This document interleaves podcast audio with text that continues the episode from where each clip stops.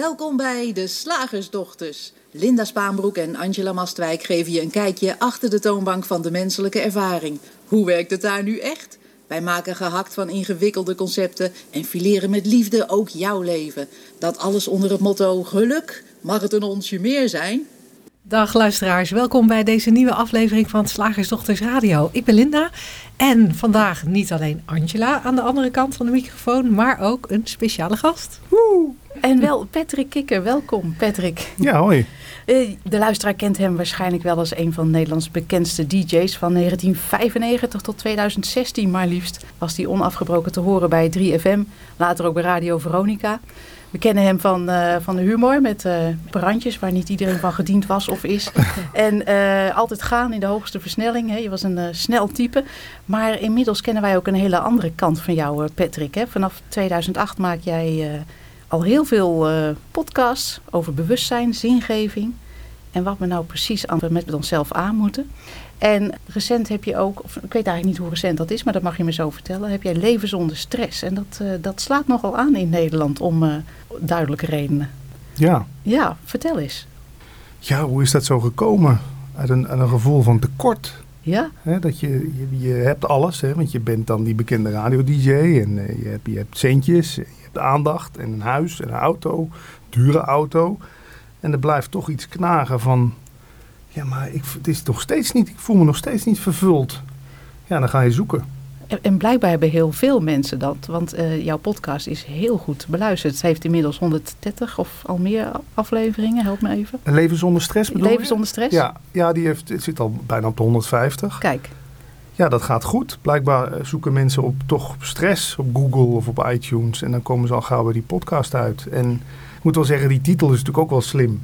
Want iedereen wil dat graag, een leven zonder stress. Maar dan ben ik ook meteen benieuwd. Ik heb die vraag ook al aan andere mensen gesteld. Is dat wel mogelijk, een leven zonder stress? ja hoor. Ja? ja, maar voordat ik antwoord ga geven op jouw vragen... Okay, ja. zijn we natuurlijk ook wel heel even benieuwd... Want, want je bent nu bezig met leven zonder stress. En we kennen jou ook van een uh, podcast uh, uh, over non-dualiteit. Ja. En dat vind ik wel bijzonder. Dat je als radio-dj snel. Uh, het, het, het, nee, je beschrijft ook een aantal dingen die toch vooral over uiterlijk gingen. En jij bent into de non-dualiteit geraakt. Ja. En zou je, zou je ten eerste even iets willen vertellen over wat non-dualiteit is? En ik ben ook wel benieuwd waar die overgang vandaan is gekomen. Ja. Ja, die, om met het laatste te beginnen, die overgang was gewoon dat het, het leven begon zo'n zeer te doen. Uh, een vriendin had het uitgemaakt en ik, ja, ik, ik wist me geen raad. Dus ik ging maar uh, googelen op inderdaad uh, spiritualiteit. Ik denk dan maar de spiritualiteit in, hè, zoals voor zoveel.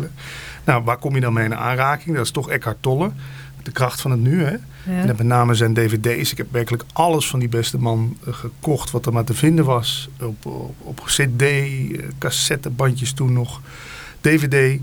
Ja, en dat bracht me s'avonds voor het slapen gaan, maakte me dat rustig van binnen. Ja. Ik denk, hé, hey, die man die uh, heb ik nodig. Die heeft iets. Ja, die, die heeft iets wat ik ook wil hebben. Precies. En ja, overdag was ik dan inderdaad gewoon de, de, de radio-dj. Het was ook zo'n gekke contrast. Onderweg naar een optreden of zo, hè, ergens op een bühne in een feesttent, luisterde ik Eckhart Tolle. En daar stond ik snoeiharde hardstyle en hardcore muziek te draaien. En op de terugweg ging Eckhart me weer, ging me weer geruststellen. Dus ja, ik, ik had het gewoon op een gegeven moment gewoon nodig als een soort van medicijn die spiritualiteit. Ja. En wat, wat is non-dualiteit? Dat zou ik ook vertellen. Ja, ja, het is eigenlijk een soort verzamelterm wat verwijst naar ja, wat je werkelijk bent. Dat zijn grote woorden, dat realiseer ik me ook. Maar ja, ik had als kind al zoiets van, ja, het kan niet zo zijn dat de wereld er gewoon is, punt. De wereld moet toch ook iets verschijnen? Er moet toch, voordat er een wereld kan zijn, moet er toch iets zijn waarin die wereld verschijnt?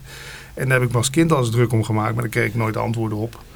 Ja, de katholieke kerk kon je die vraag wel stellen, maar dan werd het ook een beetje weggelachen. Of dan werd het God genoemd, die overal verantwoordelijk voor was. En ja, ik kwam eigenlijk een jaar of tien terug met non-dualiteit in aanraking door Paul Smit.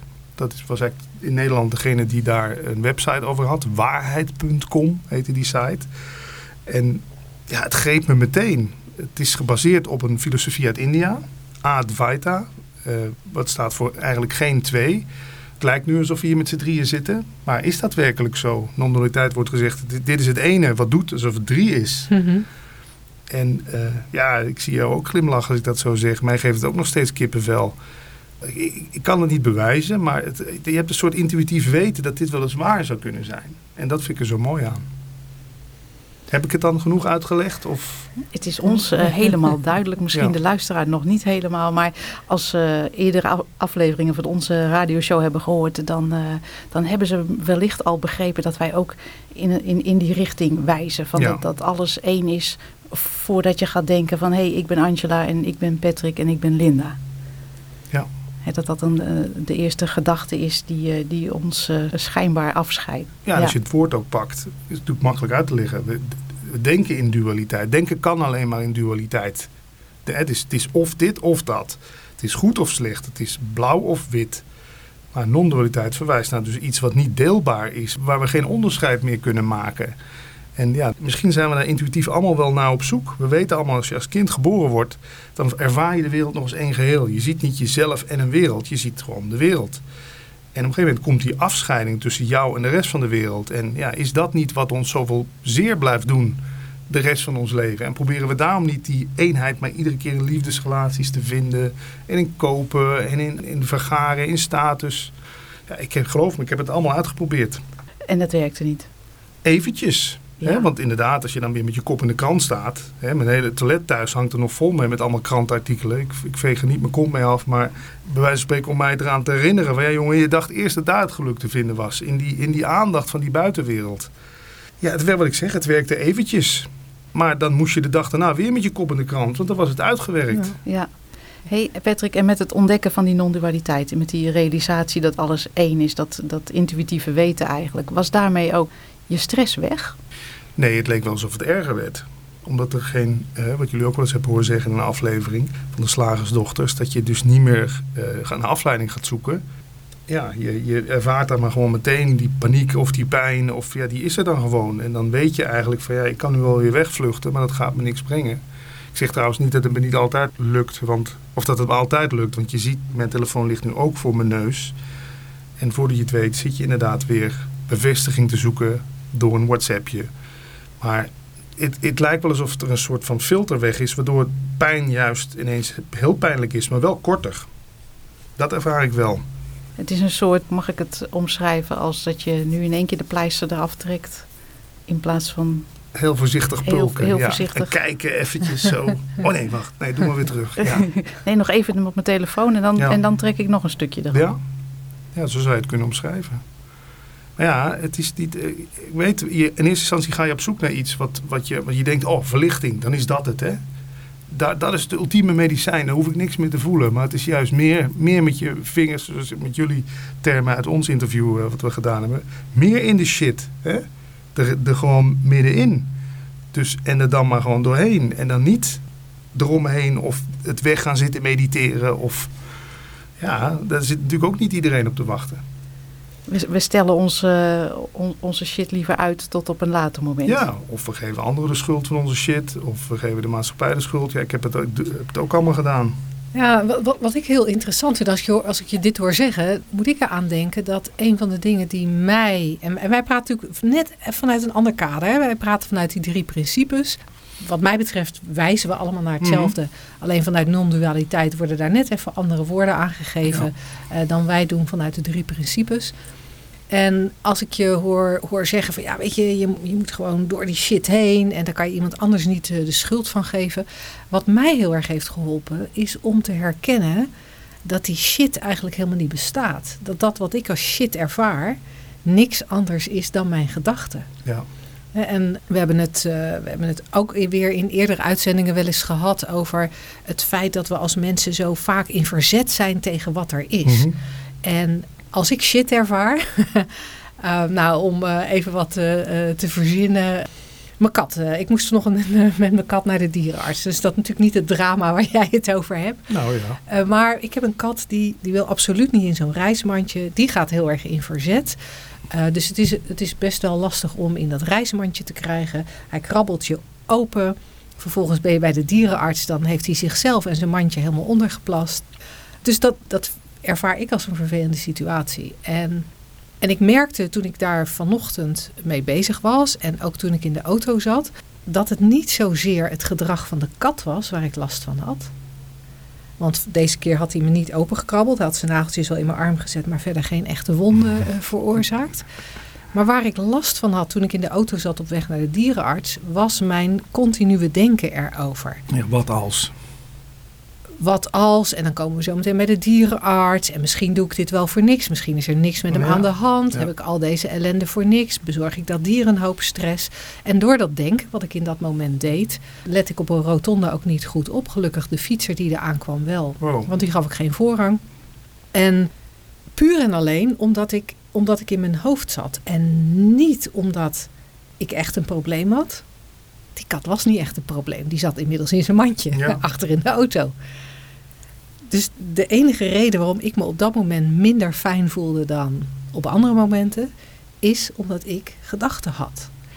En dat zien heeft voor mij heel veel verlossing en bevrijding en ja, vrijheid vooral gegeven. Dat ik, dat ik herken dat als ik me shit voel, zoals jij dat Mhm. net eh, noemde, dat, dat, dat het niet echt is. Ja. Dus dat alles wat ik op zo'n moment voel, dat ik daar ook niet per se nou eens heel diep in hoef te duiken of naar hoef te kijken wat er met me aan de hand is. Dat ik er eigenlijk, wat mij betreft, kan stoppen bij. Ik heb blijkbaar gedachten. ik heb gedachten en mijn bewustzijn maakt er nu echt een geweldig eh, circus van. Waardoor ik van alles voel. Maar het is uiteindelijk niks meer dan dat. Ja. ja, misschien moet ik even verduidelijken. Met shit bedoel ik ook wel gewoon pijn. Eh, eh, Soms zit er wel, tenminste ik weet niet of jullie dat waren, lading op sommige onderwerpen. Hè, Mijn oma is net overleden, is, is 100 jaar oud geworden. Ja, daar, daar zit nog wel een stukje pijn op. Dat zal ik toch moeten voelen. En ik ben met je eens, het wordt drama, het wordt lijden. Als ik van die pijn af wil, als ik niet meer aan oma wil denken. Als ik, als ik er een heel verhaal om ga verzinnen. Oma had 110 moeten worden. Ja, misschien is dat wat jij bedoelt met, met je gedachten shit eromheen. De, de, de korst om de, om de wond, zeg maar. Of, of zijn er volgens jullie, laat niks wonden achter? Ja, Ja, daar ben ik Ja. eens benieuwd naar. Nee? Van zichzelf niet. Nee. Zoals ik het zie, is, is van zichzelf elke situatie neutraal. En je kan dat heel makkelijk zien natuurlijk als je kijkt naar verschillende culturen, verschillende geloofsovertuigingen. Eh, zoals bijvoorbeeld met, eh, met de dood. Zonder er heel intellectueel over te doen. Het gaat alleen even om, om, om er naar te kijken hoe het systeem werkt. Eh, Er zal een cultuur in de wereld zijn waarin men de dood ziet als, als thuiskomen, als een, als een Ja. prachtige transitie, als een begin van iets nieuws. Waar inderdaad een Ja. feestje gevierd wordt en alleen maar wordt gelachen en gezongen en, en gedronken wellicht, dat, dat kan ik niet inschatten. Yo, Eh, als, er iemand, als er iemand dood is en yo oma go. Eh, waar dus een heel andere lading op, op, het, op het woord dood zit. Wat wij alleen maar zien als een gedachteconstructie Ja. rondom dat woord. Dus zoals wij het zien, zoals ik het steeds dieper zie, is dat geen enkele situatie in je leven van zichzelf jou iets kan eh, doen laten voelen. Volgens mij zeg ik hier twee woorden dubbel, maar dat maakt niet uit. maar- Ehm, eh, maar het zijn de gedachteconstructies die wij, hebben, die wij zelf hebben opgericht, die maakt dat het pijn doet. Waarmee we niet zeggen, joh, je oma is dood, daar hoef je niet om te huilen, want Mhm. dat is maar een gedachteconstructie. Dat niet. Dus Want de- verdriet is echt. Verdriet komt, Ja. ja. En, en toevallig hebben wij in, in, in de westerse wereld bedacht dat, dat dood niet mag. En dan hebben we daar ook allerlei gradaties Ja. bij, bij bedacht. Nou ja, 100, nou ja, gelukkig hè, dat ze zo oud is geworden en ook nog misschien gezond. Dat zou natuurlijk helemaal mooi zijn. En dan, oh wat fijn. En dan, dan hebben we daar ook weer gedachteconstructies over. Maar als het dan een kind is, en dan met name een kind dat we kennen, of het aller, allerergste ons eigen kind. Hoe dichterbij het komt, hoe meer gedachteconstructies we eromheen hebben. En hoe meer lading erop zit, hoe meer gevoel dat, dat oplevert. Vorig jaar zijn allebei mijn ouders ook overleden. En ik heb dat zo anders ervaren. Ehm, was er verdriet? Ja, dat was, dat was echt verdriet. En dat kwam en dat, en dat ging ook weer. Maar de neiging om, om de verhalen eromheen Ja. te, te, te maken, dat, eh, die, die was gewoon veel, veel minder. En, en je ziet dan ook zo, zonder analyserend te worden, zo'n systeem aan het werk in de mens. Een van mijn zussen die, die omschreef het echt, echt geniaal, zonder dat ze ook maar ooit deze kant opgekeken heeft, Mhm. niets van non-dualiteit af weet of van het denken. Of, die zei, ik werd vanmorgen wakker en heel even was er niks. En toen kwam zo dat besef als een golf van verdriet. Hè, denken en voelen, één, één grote gebeurtenis. Mijn moeder is dood. En ik dacht, ja, dat is het systeem. Er is intrinsiek niet, niets met ons aan de hand. Mhm. We zijn altijd oké achter al onze gedachten. En dan komt er zo'n gedachte op die heel veel eh, gevoel met zich meebrengt. En wap. Ja. En daar is natuurlijk niks mis mee. Je Dat gaat het is- ook niet tegen. Nee, dat moet je ook niet willen. Nee. Dat is gewoon zoals je als mens werkt. Dat is het menselijk systeem ja, in uitvoering. Maar wetende dat dat het systeem is, ja, hoeven er niet allerlei dingen aan vast te plakken. Wat mij betreft. Hè. Dat is Ja. voor mij eh, eh, Ja, nogal want- weggevallen. Want wat ik, wat ik interessant vind, is dat, dat je ook stelde op enig moment van... ehm, ja, pijn moet je voelen. Daar moet je doorheen. Lijkt me wel. Niet wegstoppen in ieder geval. Nou, zeg maar, het er iets mee willen doen. Van, van ik, ik moet er iets mee. Ik moet het of wegstoppen, of ik moet het voelen. Geeft een soort, geeft een soort eh, ehm, handreiking van het een is beter dan het ander. Weg, Mhm. Wegstoppen is niet goed, hebben we geleerd. Hè? Want dan, dan krijgen, we, krijgen we van alles waar we later voor in therapie Ja. moeten. Dus is, er, is het nu heel erg salonveeg om, om te vinden dat je, dat je pijn moet, eh, moet doorvoelen. En eh, soms moet je dat heel erg lang doorvoelen. En als je dat nou vooral maar vaak en diep en ellendig doet, dan, dan schoont het je op of zo. Dat is geloof ik wat, dan, wat, wat er dan met je gebeurt. En wij zeggen niet, oh je mag de pijn niet voelen. Mag best. maar we zeggen het ook niet als een voorschrift van ja, weet je, dat is belangrijk om te doen. Want, want uiteindelijk is dat ook weer een menselijke constructie. Ook weer een menselijk bedacht concept dat we pijn moeten voelen. Wat wij wel zeggen, nou maar kijk eens, kijk eens hoe het gecreëerd wordt. Maar maak je dan een verschil tussen pijn en lijden? Of zie je, zie je dat als hetzelfde? Ja, voor mij, voor mij zijn dat twee identieke, Ja. dat zijn synoniemen wat mij betreft in, in dit gesprek. Dus lijden is altijd zelf gecreëerd en pijn dus eigenlijk ook. Ja, Maar zelf gecreëerd, eh, ja, inderdaad. ja. maar, maar even met de nuancering, daar ben je niet schuldig aan. Het, is ja. gewoon het systeem aan het, Ja. aan het werk. Het is ook aangeleerd. ik, ik heb vrij veel ongelukken gehad in mijn leven. En onze vaste luisteraars hebben mij dat al eens vaker horen vertellen. Ik heb veel ongelukken gehad. En En, en, de meest bizarre ja, ongelukken. hele Ja? bizarre Van een trap gevallen. Nou, nee, nee. Mijn dochter die op haar 2,5ste door het traphekje door zijn beveiliging heen duwde. Oeh. Het trapgat inviel en op mijn hoofd landde. Ehm, een stapel grafstenen die mij op, achter op een karretje waarmee ik geramd ben. Wow, Een, een, eh, het is een een ontspoorde trein in Griekenland. Een Engelsman die in Engeland aan de verkeerde kant van de weg reed. Terwijl wij goed aan de linkerkant Wow. reden. En onze auto totaal losreed. Een zonnescherm dat uit de lucht kwam vallen. Ik heb vrij, vrij bizarre dingen Ja. eh, met name op mijn hoofd gekregen. Letterlijk. En letterlijk. En, en inderdaad, er zijn mensen geweest die mij gezegd hebben dat dat een signaal was. Maar daar, daar wilde ik niet eh, naartoe met mijn verhaal. Waar ik naartoe wilde was dat, dat die ongelukken waren allemaal eh, een eh, aanleiding voor lichamelijk letsel. En dat lichamelijk letsel, dat bracht pijn met zich mee. Letterlijk fysieke Mhm. pijn. En, en dat zou je ook als lijden kunnen omschrijven. En daar, en daar raak ik dus altijd in de war met deze twee woorden. Vandaar dat ze voor mij een beetje synoniem zijn. Of ik nou lichamelijke of emotionele pijn heb, ja, dan leid ik aan die pijn. Dan leid Ja. ik onder die pijn. Eh, is, is vaak eh, in ieder geval grammaticaal wat ik daarvan maak. En wat ik gemerkt heb, is dat ja, je kunt fysieke pijn hebben. Dan kun je zeggen, tegen mij zeggen: Goh, Linda, jij lijdt aan pijn. Oké, ik, heb, ik heb die pijn.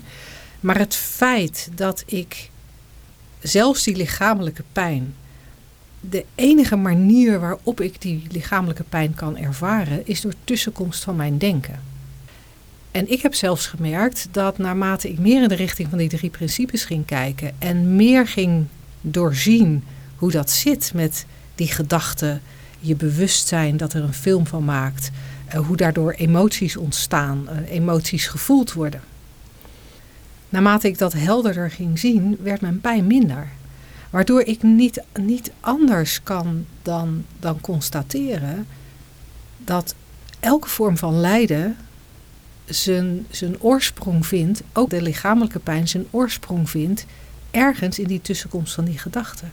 En nogmaals, net als wat Angela zei, dat betekent niet dat als jij van de trap gevallen bent en je hebt hartstikke pijn in je rug, dat ik tegen jou ga zeggen, joh Patrick, dat is maar een gedachte, ja, schij uit man. Ik denk het zelf. Tuurlijk, dan heb je pijn en dan doe je in dat moment wat handig is. Dan ga je misschien naar een dokter of je gaat eens een dag op je bed liggen of je laat eens even lekker een masseur eroverheen gaan. Wat je doet in elk moment ehm, in dit leven, in deze vorm, in deze dualiteit, om jouw woorden te gebruiken. Weet je, daar, daar doe je de dingen die bij deze vorm horen, die bij dit leven horen. Maar uiteindelijk zit zijn oorsprong, wat mij betreft, wel altijd in het feit dat wij denken. Hè, de, ja, die, die drie principes, die levensenergie, ons, het, het, het, bewustzijn en gedachten, die samen die film creëren. Doet me denken aan een uitspraak van Shakespeare: Nothing is good or bad, but thinking makes it so. Ja, Denken klassificeert iets in goed of slecht, pijnlijk of niet pijnlijk. Eigenlijk is pijn ook gewoon een sensatie in het lichaam. Hè? Ja, er is ons zoveel aangeleerd dat gebied. Oh, nu zul je wel verdrietig zijn dat je niet meer bij de radio werkt, krijg ik zo vaak te horen. Hè? Ja. Ja. Terwijl ik het ervaar als een bevrijding. Ja, ja. ja. maar, ja, ja, maar, ja, maar dat kan toch niet? En hoe moet het nu verder met jou? Kijk, die vraag heb ik mezelf nog nooit gesteld eigenlijk. Hoe moet het nu verder met mij? Ja, Het, is, het, is, het is ongelooflijk hoeveel gedachteconstructies we voor waar aannemen. Ja. Ja. Ik zag, zag gisteren een zijstapje, een documentaire over dat er in Nederland blijkbaar gaat het heel erg goed met Nederland nu. Hè. De economie trekt aan, er zijn nog nooit zo, zo, zoveel vacatures geweest. En toen was er een man op tv die zei, ja, ik ben al tien jaar werkeloos en ik vind dat nog steeds verschrikkelijk. En waarom dan? Ja, je werk is toch je status. dacht ik, hè? Oh. Nou ja, niet om op die man af te geven, maar ja, is, is dat werkelijk zo? Ik ben dan nu op papier werkeloos, maar ik heb me nog nooit zo vrij en gelukkig gevoeld. Dus ja, status, dat is ook wel iets waar ik zelf heel erg ingedoken ben. Maar ik was blijkbaar iemand in de wereld. Hè? Want ik had, ik had Eckhart Tolle gesproken en ik was naar Miami gevlogen om Gloria Estefan te interviewen. En Brian Adams en noem allemaal sterren maar op. En nu doe ik dat niet. Terwijl nu dit soort gesprekken voeren, ja, dat brengt me heel veel vreugde en blijdschap. Dus ja, waar, waar is dan die status goed voor? Dat is ook zo mooi, hè? Is een leuk concept om een keer te vermalen in onze Ja, ja. gooi de status er eens een keer doorheen. En ik, ik denk dat het uh, tijd is voor het volgende onderdeel. Slagersdochters, wat zit er in de leverworst? Oftewel, tijd voor wat wetenschap. De wetenschap. En dat is uh, dit keer een, uh, een artikel wat ik gelezen heb. Door of over, dat weet ik eigenlijk niet eens. Tim Freken, en die ken jij ook. Die heb, ik ook een keer gesproken, ja. Ja. Ja. ja. En, en die is filosoof. Interessante man. Ja. Hij heeft ook ooit een documentaire over Jezus gemaakt. Eh, oh. Die heel interessant is. Ja. Oké. Nou, het artikel wat ik gelezen heb, dat gaat over paralogisch denken. Ik had nog nooit van de term gehoord. Jij wel? Nee. Ik ook. Linda ook niet. Paralogisch denken. Nou, blijkbaar is dat de manier waarop we voortaan moeten denken. Uh, en dat is voortgekomen uit een belangrijk inzicht volgens meneer Freken. hij zegt het leven is ten diepste paradoxaal. Nou, dat is natuurlijk, uh, dat is natuurlijk een hele mooie uitspraak. Want aan de oppervlakte van het leven uh, ja, is er een wereld van afgescheiden dingen. Hè. In die zin mhm. refereert het ook aan dualiteit en non-dualiteit. Maar in de diepte is, is alles één. En uh, op het eerste gezicht kan zo'n spirituele paradox nogal als uh, mystieke onzin klinken. Hè. Als je daar voor het eerst van hoort, dan denk je misschien, uh, waar gaat dit over? En daarom heeft meneer Vreker bedacht, wij gaan deze paradox even vergelijken met, met de wetenschap. Gewoon keiharde wetenschap. hoe zit dat daar dan? Misschien zijn daar wel parallellen te vinden. En inderdaad, gaan we kijken naar de kwantumfysica. In dit programma hebben we het daar uh, regelmatig over, want dat vinden wij toch zo'n leuke tak van wetenschap. Daar zitten ook allerlei paradoxen in. Bijvoorbeeld als, als je kijkt naar, naar licht. Dus gewoon licht ik, ik wou bijna een, eh, een, merknaam noemen, laat ik het niet doen. Maar het lampje boven je hoofd. Als je de aard van, uh, van het licht bestudeert, dan, uh, dan is er iets bijzonders te ontdekken. Natuurkundigen hebben, hebben gezien dat als ze experimenteren met, met licht en ze, ze zetten het experiment in, op een bepaalde manier op, dan is licht deeltjes. Zetten ze dat experiment op een andere manier op, dan wordt licht waargenomen als golfjes. Nou, dat kan niet. Hè? Wij, wij zeggen met ons logisch denken, het is of-of. Je bent, je bent of man of vrouw. Het is of licht of donker. Maar blijkbaar zit het daar in die kwantumfysica op, uh, op het, op het aller, aller, allerkleinste niveau van, uh, van de vorm toch een beetje anders. Daar zit ook die, diezelfde paradox in als die we in het in de spirituele level zien. En in dit artikel heeft Tim Vreken zich gefocust op een specifieke paradox, dus dat, dat, dat licht. En de, de natuurkundigen zeggen daarvan, ja, het is dus niet of-of, het is allebei tegelijk. En het is maar hoe je er naar kijkt. Dat dus klinkt een beetje... Heel, heel even voor mij, hè, want je weet dat ik niet zo heel erg goed mijn aandacht kan houden bij kwantumfysische dingen. Zegt hij dan eigenlijk het is licht en donker tegelijk? Ja, het is een deeltje en een golfje tegelijk. Oké. En dat is natuurlijk een paradox. Dat kan niet, zegt ons logische denken. En toch is dat wat er, wat er blijkt. Het is maar hoe je er naar kijkt. En dat, dat blijkt dus niet alleen op het spirituele vlak van, nou ja, alles is één en toch nemen wij dualiteit. Waar leven wij daarin? Voelen wij dat lijf? Maar het is dus ook zo als wij gaan uh, wetenschappelijk gaan kijken naar, uh, naar de deeltjes op het kleinste niveau. Nou, het is, het is echt heel moeilijk te begrijpen, zegt, zegt meneer Vreken ook. Dus, dus het geeft niet, ook niet voor onze luisteraars, dat je hier volledig van in de war raakt. Linda valt altijd in slaap bij dit soort verhalen. Maar in de war raken is ook een, is ook een bekend effect. Maar dat moet, zegt uh, zowel Freke als Niels Bohr, een, een, een, wetenschapper uit de vorige eeuw, een Deense natuurkundige die zich ook bezighield met kwantumfysica. En, en die zei al van als je hierover uh, kan nadenken, over die kwantumtheorie, zonder, uh, zonder duizelig te raken, dan, dan begrijp je het nog niet helemaal. ja, er zijn er meerdere die dat hebben teken. gezegd. Hè? het is een goed teken als je, als je denkt van nou, dit, dit, dit kan gewoon niet. Ik ben, ik ben volledig in de war. Het is ook een mooie film over, hè? What, what the bleep do we ja, know? Ja, ja. ja. die legt het dan nog enigszins grafisch uit. Hè? Ja, ik Vooral de lange versie, What the bleep do we know, Down the Rabbit Hole. Daar moest ik inderdaad ook even van bijkomen. ja.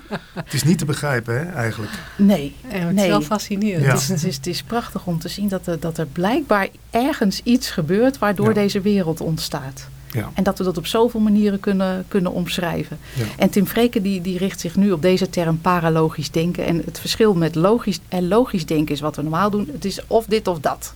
dat, mhm. dat zei je vader vroeger ook. Ja, uh, het is of een plakje worst of een plakje kaas. Kan niet allebei. Kan niet allebei. Ja, dat is ons aangeleerd, hè? Maar paralogisch denken, wat uh, meneer Vreken dus adviseert voor de nieuwe tijd, ja. dat is, het is en-en.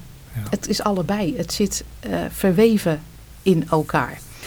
En ja, wat, wat hebben we er nou aan als we op, op die manier gaan, gaan denken?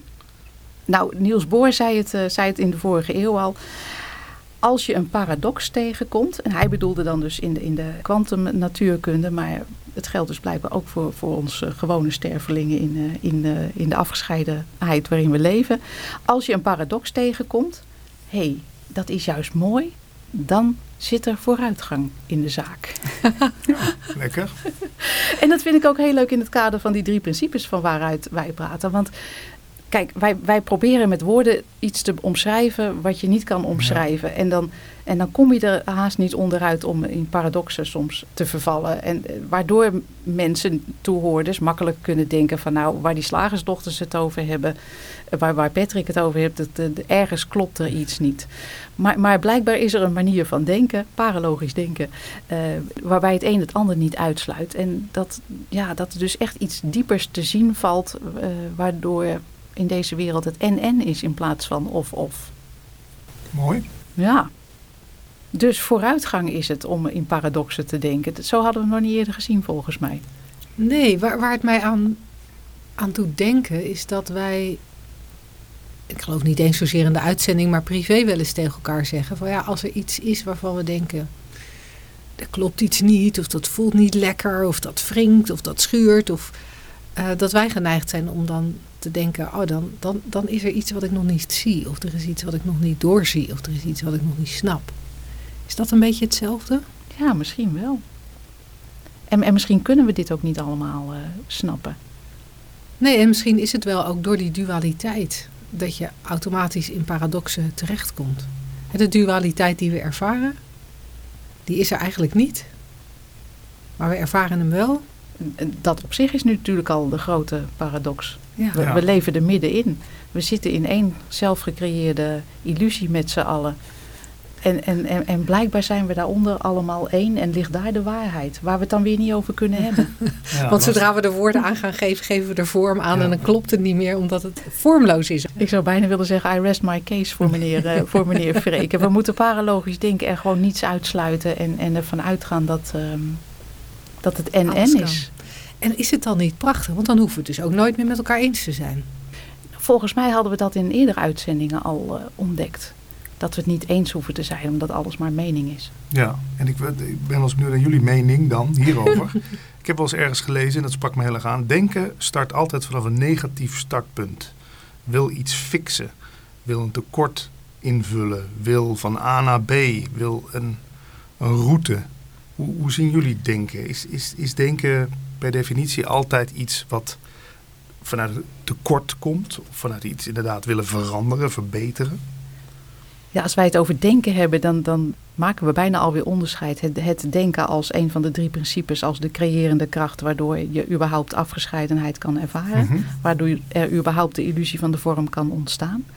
En daarbinnen heb je dan, het resultaat van die kracht is dat wij persoonlijk kunnen denken. En dan zie ik heel erg uh, wat jij nu beschrijft. Uh, wij geven ook uh, trainingen waarin, waarin wij dus in gesprek gaan met mensen over wie ben je nou eigenlijk achter al deze gedachten. En, en hoe zit dat nou met die menselijke ervaring. En dan zie je echt binnen, binnen vijf minuten iedereen opveren. Oh, wat kan ik hiermee doen? En wat levert dit me op? En vertel even hoe het moet. Ja. En dat is heel interessant. Dus ik denk in, in dat opzicht uh, dat, dat dat wel de ervaring is. Dat, je dat, uh, dat het denken altijd maar in het verleden zit, in de toekomst zit. Altijd dingen wil fixen, dingen wil doen.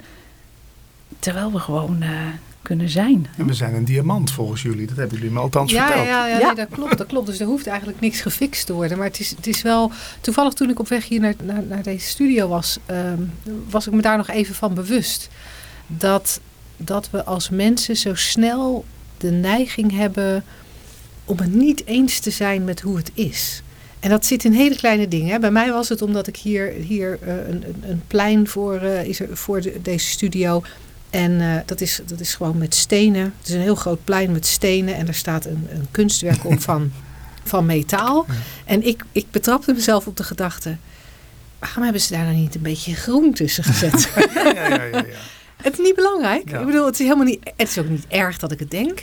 Maar het maakte me wel even bewust van het feit dat is wat we, dat we steeds doen. Als je naar tv kijkt, hoe, hoezeer ben je dan niet aan het beoordelen? Constant. En, en vaak helemaal niet vanuit kwaadwillendheid. Nee. Maar goh, nou, ze had wel even een lippenstiftje op kunnen doen. Hé, hey, wat hij nu zegt, nou, daar ben ik het eigenlijk niet mee eens. Ja. Dus ik denk, ik zie ook wel dat dat denken uh, vaak te maken heeft met. Uh, ja, met, ik, het is een beetje het thema, mijn thema op dit moment, verzet, verzet tegen wat er is. Ja. Het, Ja. niet, ook niet, het niet eens zijn met wat er is en daar dan gedachten over hebben. En wat moet het ook heerlijk zijn geweest dat er ooit een tijd was waarin we niet met elkaar konden spreken. Dat, daar denk ik wel eens aan. Ik denk ja, taal, tenminste, is ook best, soms best wel hard op hard. Hè? Ik heb me wel eens in non-violent communication verdiept. Maar als je ziet hoe wij met taal toch vaak afstand creëren Ja. tussen elkaar, maar ook naar onszelf toe. Een simpel voorbeeld te zeggen, ik, ik moet boodschappen doen. Klinkt al zo zwaar. Ja, dan Ja. zegt non-violent communication, ik wil boodschappen doen. Want ik wil straks lekker eten. En ik dacht, wow, dat voelt ineens een stukje lichter. Ja, ja en, en waar ik nu aan moet denken, dat is, het heeft maar zijdelings te maken met wat je zegt. En Maar ik wil het toch even kwijt. Ja, is dat we gebruiken taal waardoor, nou ja, wa- wa- waardoor het snel in een, in een soort eh, splitsing terechtkomt. Mhm. Waardoor het snel in een soort verzet of het is niet oké terechtkomt. En tegelijkertijd moest ik denken aan als je verliefd bent, dan, dan is wel alles goed aan Dan die andere. taal, ja. En, en, dan, en dan is eh, in jouw geval zij, in mijn geval hij, echt helemaal geweldig. Daar is echt niets fout aan. Ja. Dan ben je het overal totaal mee eens. En het interessante is dat je dan niet iets beter doet of slechter doet dan in die andere situaties. Ook dan ervaar je nog steeds dat denken. Maar dan, dan ben je het even. Dan, dan ben je blijkbaar iets. Je hebt een roze bril op of zo. ja, je of, kijkt je, anders. Ja. of je bent minder in verzet tegen wat er is. Ik heb me er wel eens in verdiept. En het schijnt toch echt inderdaad ook met stofjes in ons lichaam. Hè. De natuur betovert ons als het ware. Met een stokje zo, bloem, verliefd. En dan is alles gericht op kindjes maken, kindjes maken, voortplanten. En dan krijgen die gedachten volgens mij niet eens meer een kans. Ja, maar, dat, maar dat, is, dat is interessant. Waarom het niet dat ook vrouwen van 80 nog verliefd worden of mannen van 80? Ja, die zich niet meer kunnen voortplanten. Ja, mannen dan nog misschien net wel. Ja, dat- Ja. daar zijn Met een bewijzen beetje van. moeite. Ja, ja het, is, het is gek. Ik ervaar wel, als ik verliefd ben, ben ik eigenlijk wel verliefd op de wereld. Dan lijkt ook de wereld een soort gloed te krijgen. Hè? Een soort iedereen is mooi en ik doe vriendelijker tegen Jan en Alleman. Misschien is dat wel dat er even, die afgescheidenheid, dat we dat even, even kwijt zijn, denken we. Of we zijn nooit afgescheiden, maar dat we in ieder geval niet meer denken dat we afgescheiden zijn. Eindelijk, ha, ik herken mezelf weer in de wereld. Ik herken mezelf weer in de ander. Kom hier. Ja, Ja. of er zijn minder negatieve gedachten, minder onzekere Ja. gedachten. Ja, Ja, we hebben even de, die, die bril afgezet eh, waarmee we normaal eh, de wereld inkijken. En dan, eh, en dan ziet het er allemaal veel helderder en meer, Ja. meer uit- als één uit. Meer ja, eenheid, dat is ja. prachtig om te zien. En eh dank je wel hiervoor, voor je- deze mooie aanvulling. Dan gaan wij door naar het volgende stukje. Zeg, slagersdochters, hoe bak ik die vegaburger? Over naar de luisteraarsvraag. Vandaag eh, een eh, vraag van Felix. En ik vind het superleuk dat we hem vanuit ons perspectief kunnen beantwoorden. Maar ik ben ook heel benieuwd of non-dualiteit daar net even een ander perspectief eh, aangeeft. Dus ik ben ook heel benieuwd naar wat Patrick hiervan vindt. Felix zegt, ik zie wel wat in wat jullie vertellen. Maar kan me toch niet onttrekken aan het idee dat er een aantal dingen in het leven zijn... die toch echt onomstotelijk noodzakelijk zijn... en dus geen gedachten.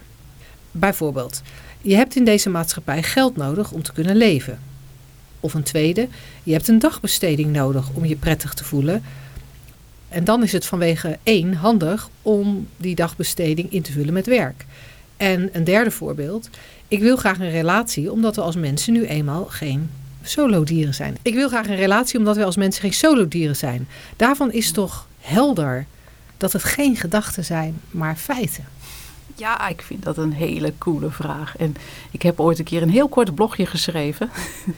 en dat wil ik nu even citeren. Daar staat, staat in, als er op de hele wereld ook maar één andere mening ergens over is, één andere invalshoek, één andere perceptie, dan is het geen waarheid.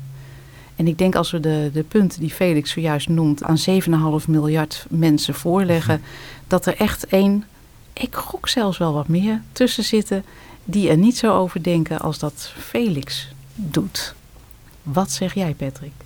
ja ik hoor hier heel veel aannames vanuit een ik. Hè, ik wil, ik denk, ik... Ja, dat, dit, dit zijn overtuigingen van, hoe heet hij? Felix. Felix. En dus het- is het voor hem waar. Ja, en moeten wij hem dan daarvan afbrengen? Weet ik niet. Ja, ik, ik ben het voorbeeld van iemand die al een paar jaar niet echt werkt. En ik, ik, ik heb me nog geen moment verveeld. En wat, eh, we moesten geld. Ja, je hebt geld nodig. En een dagbesteding. Ja. Ja, is dat werkelijk zo? Nou, ik vind het heel cool dat je zegt voor hem is het waar. Ja. Want ik denk dat daar iets belangrijks in zit. Als wij een aanname, zoals jij het noemt, wij zouden gewoon gedachten zeggen, maar Mhm. lood om oud ijzer. Als jij een gedachte echt gelooft en ervan overtuigd bent dat het waar is, dan, dan laat dat zich ook zo zien in jouw wereld. Hè, wij Ja. zitten, we zitten niet tegen een onafhankelijke buitenwereld aan te kijken. Wij, wij creëren hem met onze aannames, met onze gedachten in, in elk moment. En een gedachte die je al duizend keer hebt gedacht en geloofd, is voor jou zo waar dat je eigenlijk niks anders kan zien in die buitenwereld. En dat vind ik ook zo cool aan die drie principes. Die verwijst eigenlijk terug naar je basis en naar het oneindig potentieel van de mens om een nieuwe gedachte te krijgen. Om ineens de gedachte te krijgen, ik verzin maar wat hoor, van ik zou ook de rest van mijn leven in een, eh, in een grot op een matje kunnen zitten. Cool. Ja. Of ik ben zo gelukkig in mijn eentje, ik voel me helemaal vervuld. Ik hoef nooit een relatie meer, heb ik ooit gedacht trouwens. ik vond Ja. het zo'n verfrissend idee en ik, het was zo bevrijdend. Het heeft niet Alleen lang geduurd, hè? de volgende dag stond er een meneer op de stoep en die ging nooit meer weg. Ja, kijk. Dus, dus wat dat betreft eh, werd dat, eh, ja, werd dat niet waar. Maar het is heel cool dat je dat eh, aspect benoemt. Wat, je ziet wat je denkt en niet wat er is. Ja. Ja, en in non-dualiteit wordt ook vooral altijd naar het ik gekeken. Het principe van dat je denkt dat je een ik bent. Dat, vind, dat heeft mij ook zo gefascineerd. Een ik met allemaal post-it blaadjes erop. Ik die eh, inderdaad een relatie moet. Ik die geld moet verdienen. Ik die vrijstaand moet wonen. Ik, ik, ik, ik, ik. Maar misschien is dat hele basisprincipe dat ik. Ja, ik omschrijf het vaak als een soort kaartenhuis. Er hoeft maar even tegen geblazen te worden. Zo. Oeh, dan gaan al mijn ikjes. En dan moet ik ze weer recht. Ja, ik ben op een gegeven moment gewoon gestopt. Laat dat kaartenhuis maar in elkaar donderen dan. Want het kost zoveel energie om dat maar steeds hoog te moeten houden. En als ik hem zo hoor, waarschijnlijk als we een keer met de ouders van Felix gaan praten. hebben ze hem dat toch van kinds af aan erin gestampt. Dat je inderdaad goed je kostje moet verdienen. En je moet zorgen dat je een liefdesrelatie krijgt. En zorg, vast contract en niet ZZP'er. En geen huurhuis, maar een koophuis. In hoeverre horen we hier de ouders van Felix praten? Of, of wat Felix echt intrinsiek wil? Ja, dat, zonder te veroordelen. Ik bedoel, ik zeg niet dat hij iets fout doet, maar ja, en ook hierin weer hoor ik een heel interessant gegeven.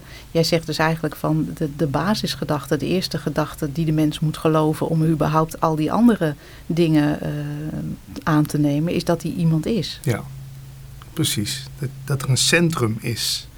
Die centrumloosheid, dat is wat natuurlijk, tenminste ervaar ik altijd als heel erg fijn. Ook in een goede vrijpartij. Je lost op. Hè? Of in een, in een goed glas bier, in een goede film. Waar is je, waar is je dan? En waar is dat centrum? Nee, je lost op met wat er is. Nu ook dit gesprek. Als ik hier heel erg als ik zou gaan zitten, zou ik ook de hele tijd denken: ja, maar nu moet ik weer aan het woord. Of waarom stel je die vraag niet aan mij? Weet je, maar terwijl nu, dit is wat zich ontvouwt. Nou, en als dit de laatste woorden zijn die ik deze uitzending zeg, prima. Weet je, en die ik, die wil controle, die wil sturen, die wil dingen vergaren. Dat is, al, dat is interessant om eens te onderzoeken. Is er werkelijk een centrum in jou? Ja, en dan zeggen wij dat dat is er, maar niet als een.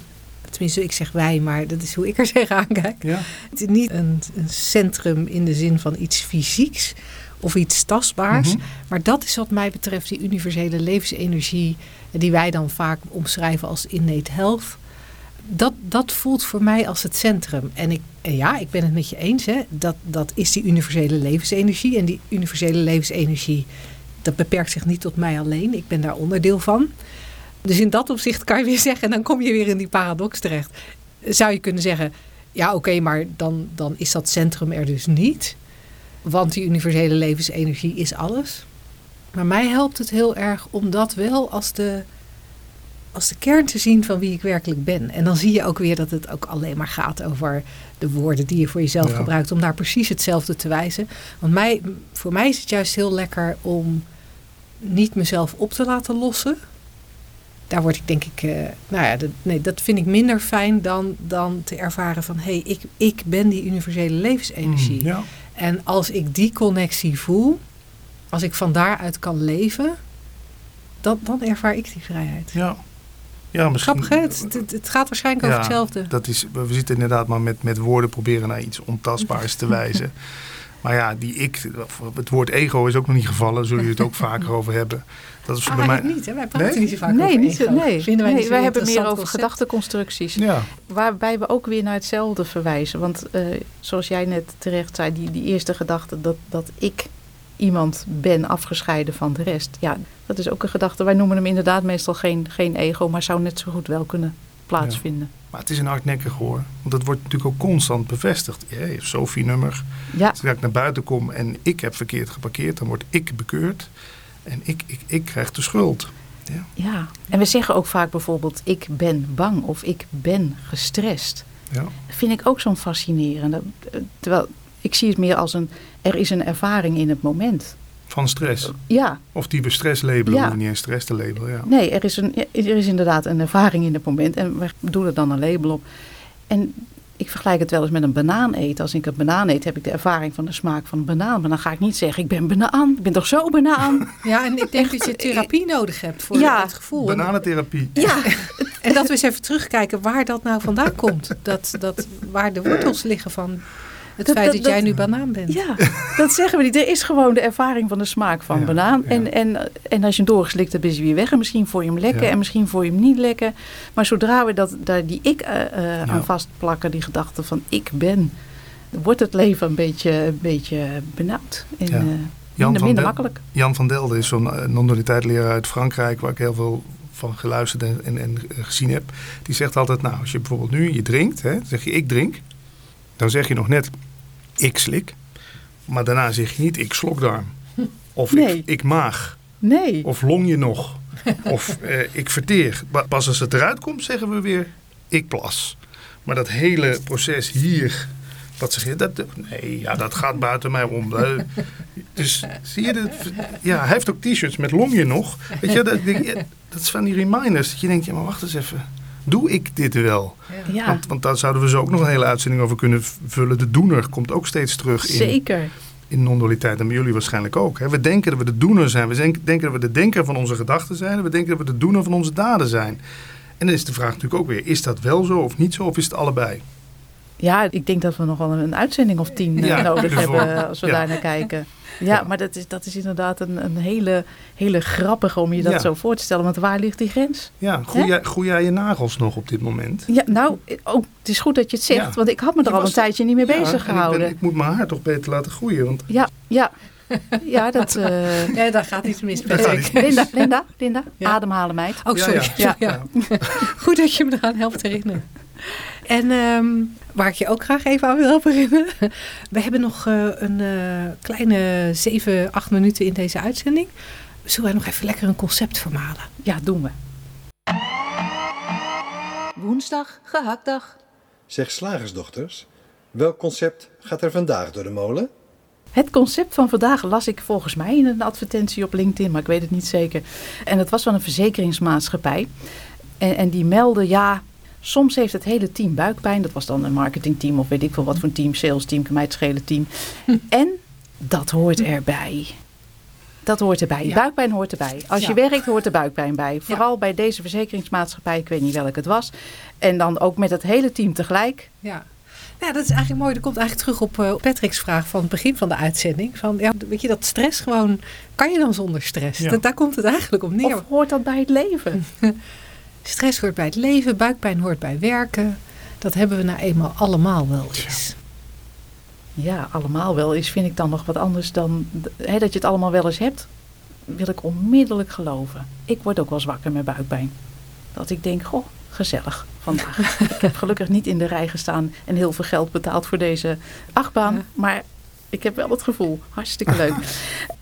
maar of het erbij hoort, ja, dan gaan we het dus ergens aan verbinden. Dan gaan we zeggen, ja, buikpijn is een soort logisch gevolg van het feit. Dan gaan we twee dingen aan elkaar Ja. eh, verbinden. Iets die- buiten ons. ja, met iets binnen ons. Die volgens mij totaal los staan van elkaar. Je hebt een ervaring van het denken in het moment. En er is werk aan de winkel. Ja. Zoals daar werk weliswaar aan de winkel is in een mensenleven. Er zijn dingen te doen. Je moet plassen. Maar zodra wij aan een, aan een handeling of aan een gebeurtenis of een situatie een gevoel gaan plakken. En dan ook nog zeggen, dit hoort erbij. Dames en heren, wend er maar aan.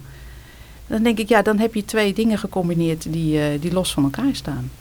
Je voelt je denken en er is werken in het team.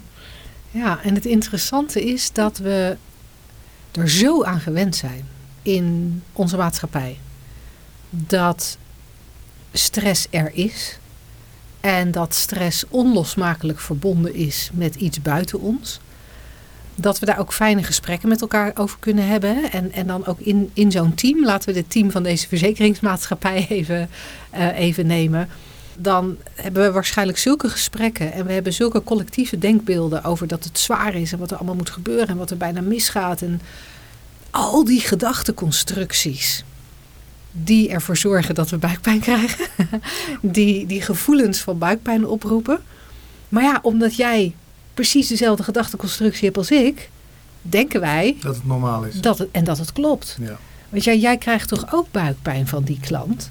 Ja. En dan zeg jij ja. Nou, dan hebben wij even heerlijk bevestigd Ja. dat het dus waar is. En dat het aan de klant ligt. En dat het aan de klant ligt. En dan gaan we volledig voorbij aan het feit dat er nooit, nooit, nooit, nooit, nooit iets buiten ons kan zijn dat een gevoel in ons veroorzaakt. Dus? Dat we altijd die tussenkomst van die gedachten hebben. En als we dan de shortcut nemen. er zijn een aantal dingen wat mij betreft. De ene is dat als je gaat zien dat het nooit iets buiten je is dat een gevoel bij je veroorzaakt, maar altijd alleen maar je eigen gedachten in het moment. Nou, dat betekent dat ik me over die mensen daarbuiten dus niet meer druk hoef te maken. Want wat die klant dan doet en wat hij zegt, maakt niet uit. En wat die collega doet of zegt, maakt niet uit. Blijkbaar heb ik gedachten in het moment die dit gevoel bij mij veroorzaken. Die, doordat mijn bewustzijn als een soort special effects department daar allemaal geur, kleur, smaak en effecten aan geeft. Daardoor voel ik dit. En daardoor heb ik al deze gevoelens, heb ik die boosheid, die buikpijn, die stress, wat het dan ook is. Maar het zijn altijd alleen maar gedachten in het moment. Als ik dat weet, dan kan ik het nog steeds ervaren. Want die gedachte kan ik niet uitschakelen, die hoef ik ook niet uit te schakelen. Maar als ik dat weet, dan gebeurt er iets magisch. Als je dat eenmaal echt ziet. Wat er dan gebeurt is dat je sowieso over heel veel dingen geen gedachten meer hebt. En dus ook de bijbehorende stress niet ervaart. Oh, ik verpruts nu mijn net nieuw jurkje. Wat ik speciaal gekocht heb voor het event wat ik morgenochtend heb. Oh. Hmm. Oh, in plaats van zoals ik vroeger zou reageren. Ik kan heel veel voorbeelden daarvan opnoemen. Van niet, niet in de stress schieten van het feit dat er iets met mijn kind is. Niet in de stress schieten van het feit dat, er, dat, dat, dat mijn hond ineens de straat overschiet. Niet in de stress raken van het feit, of in de stress schieten van het feit dat er een grote hond op mijn veel te kleine hondje afkomt. De stress lijkt dan minder vaak voor te komen. En de momenten waarop ik me wel onaangenaam voel, dat ik een ongemakkelijk gevoel heb, een gevoel wat ik eigenlijk wel niet wil, dan heb ik helemaal geen reden meer om het buiten mezelf te leggen. En dan is het dus ook geen stress. Ja. Dan is het een ongemakkelijk gevoel. Dan is het een gevoel wat ik op dit moment niet op prijs stel. Doet u mij alstublieft een andere. Ja. Ja, alsof u het voor het zeggen heeft. Ja. Ik vind het zo leuk. Er is zo'n liedje van Normaal, hè? Dat, daar zingt hij, daar maak ik geen probleem van. Dan dacht ik, ja, dat is het. Wij maken van dingen een probleem. Ja. Ja. Dus het probleem, deze USB-stick is maar 16 gigabyte. Die had toch op zijn minst 32 gigabyte ja, en wat gebeurt er nu als we zometeen bestanden hebben die over die 16 gigabyte Ja, heen dan, gaan? krijgen, dan zit hij vol en dan krijg je het weer niet opgeslagen. Nou, brrr. ja, maar dat En dan ik- heb je stress. Dan heb je, dan, dan, voel- ik, voel, ik voel letterlijk dat. Als ik nu denk dat mijn auto in de fik staat, voel ik inderdaad letterlijk. Oh, te gek hè, hoe dat werkt. Dat het iets Ja. niet waar hoeft te zijn voor dezelfde gevoelens op te wekken. Ja, knap hè? En Ja. het interessante is dat het dus nooit waar is. Zelfs als je auto in de fik staat, Ja, hoef je dan- daar geen stress over te hebben. nee, dan, dan is het enige wat stress veroorzaakt het feit dat jij gedachten Ja. hebt over hoeveel je dat Ja, kost. het moet anders zijn. Waarom er- mijn auto? Wat er allemaal had kunnen gebeuren Ja. als, die, als die auto voor je deur had gestaan en de, het vuur Ja. over was geslagen Ja. op je huis. Ja. Weet je, dat is wat je er Ja. allemaal bij bedenkt. Ja. Wou jij nog iets, eh, Angela? Want wij zitten jou volledig te over, overstemmen zo? hier. Ja. Nee, nee. Ik Waar jij misschien wel stress van krijgt. Ik luister met enorm veel plezier naar Ja, jullie en beiden. glimlach. Ja, ja. nou, wat, wat in mij opkwam was, wat zou er veel minder te doen zijn bij onder andere deze verzekeringsmaatschappij, als dat een beetje gezien wordt. En dan kunnen we ophouden met stressmanagement, een heel, heleboel, heleboel gedoe kan gewoon eh, moeiteloos wegblijven. En, eh, en misschien wat minder buikpijn en, eh, en dat. Ja, dan zouden, we, dan zouden we kunnen kijken naar eh, wat er echt is. Ja. Interessant. Nou, ik denk dat dit een eh, mooi einde is aan onze uitzending. Dankjewel Patrick. Is er nog iets wat jij in onze laatste minuut wil delen Ja, met mag- onze Mag luisteraars? ik nog het pluggen? Ja, tuurlijk. Plug maar. Nee, ja, er is dus net als van jullie programma ook een podcast praten over bewustzijn. Dan zitten er eigenlijk twee, we noemen het twee Muppet-opa's. Paul Smit en Patrick Kikker zitten ook zo'n beetje met elkaar te filosoferen. Eh, daar is ook een boek van uitgekomen. is misschien ook nog eens een idee voor jullie. Hè, ik wil jullie op idee. is er al. Oh, het boek is er al. Ja, we Met gaan het zo ophalen bij de drukker. Met podcastgesprekken in boekvorm. Nee. Nee, dat niet. Oh, dat niet. Oké, dat hebben wij gedaan. Dan is er een YouTube-kanaal met non-dualiteit interviews. En eh, dan is er inderdaad de podcast eh, Leven zonder stress. En er is natuurlijk een gesprek wat ik met jullie gevoerd heb. Hè, als je de Slagersdochters intypt op YouTube of op eh, Google, dan vind je dat ook. Bedankt weer voor jullie wijze woorden. En leuk om hier te zijn. Ja, dankjewel Patrick eh, voor je aanwezigheid. Dankjewel. Ja, dit was eh, Angela Mastwijk aan deze kant. Patrick Kikker natuurlijk. Linda Spaanbroek. En voor de techniek vandaag zorgde Lida van Steendelaar. Dankjewel en graag tot de volgende keer. Tot dan.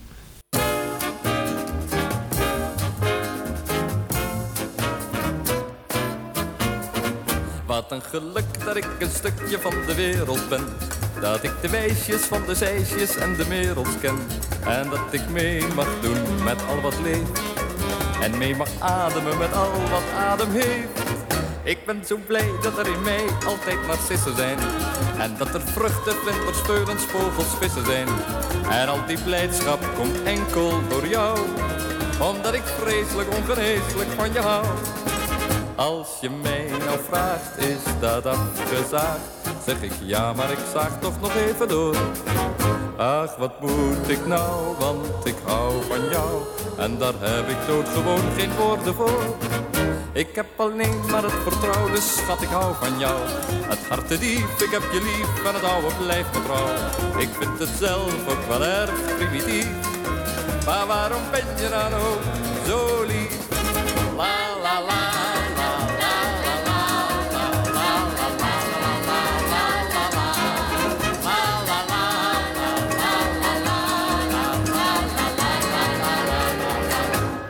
Een geluk dat ik een stukje van de wereld ben.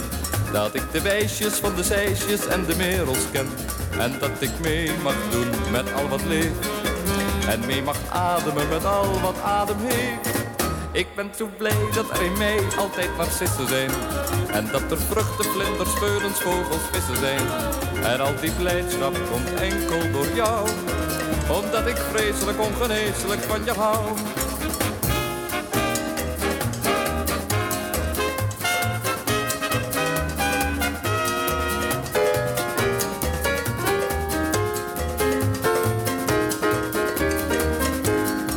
Ik heb alleen maar het vertrouwen, dus schat ik hou van jou.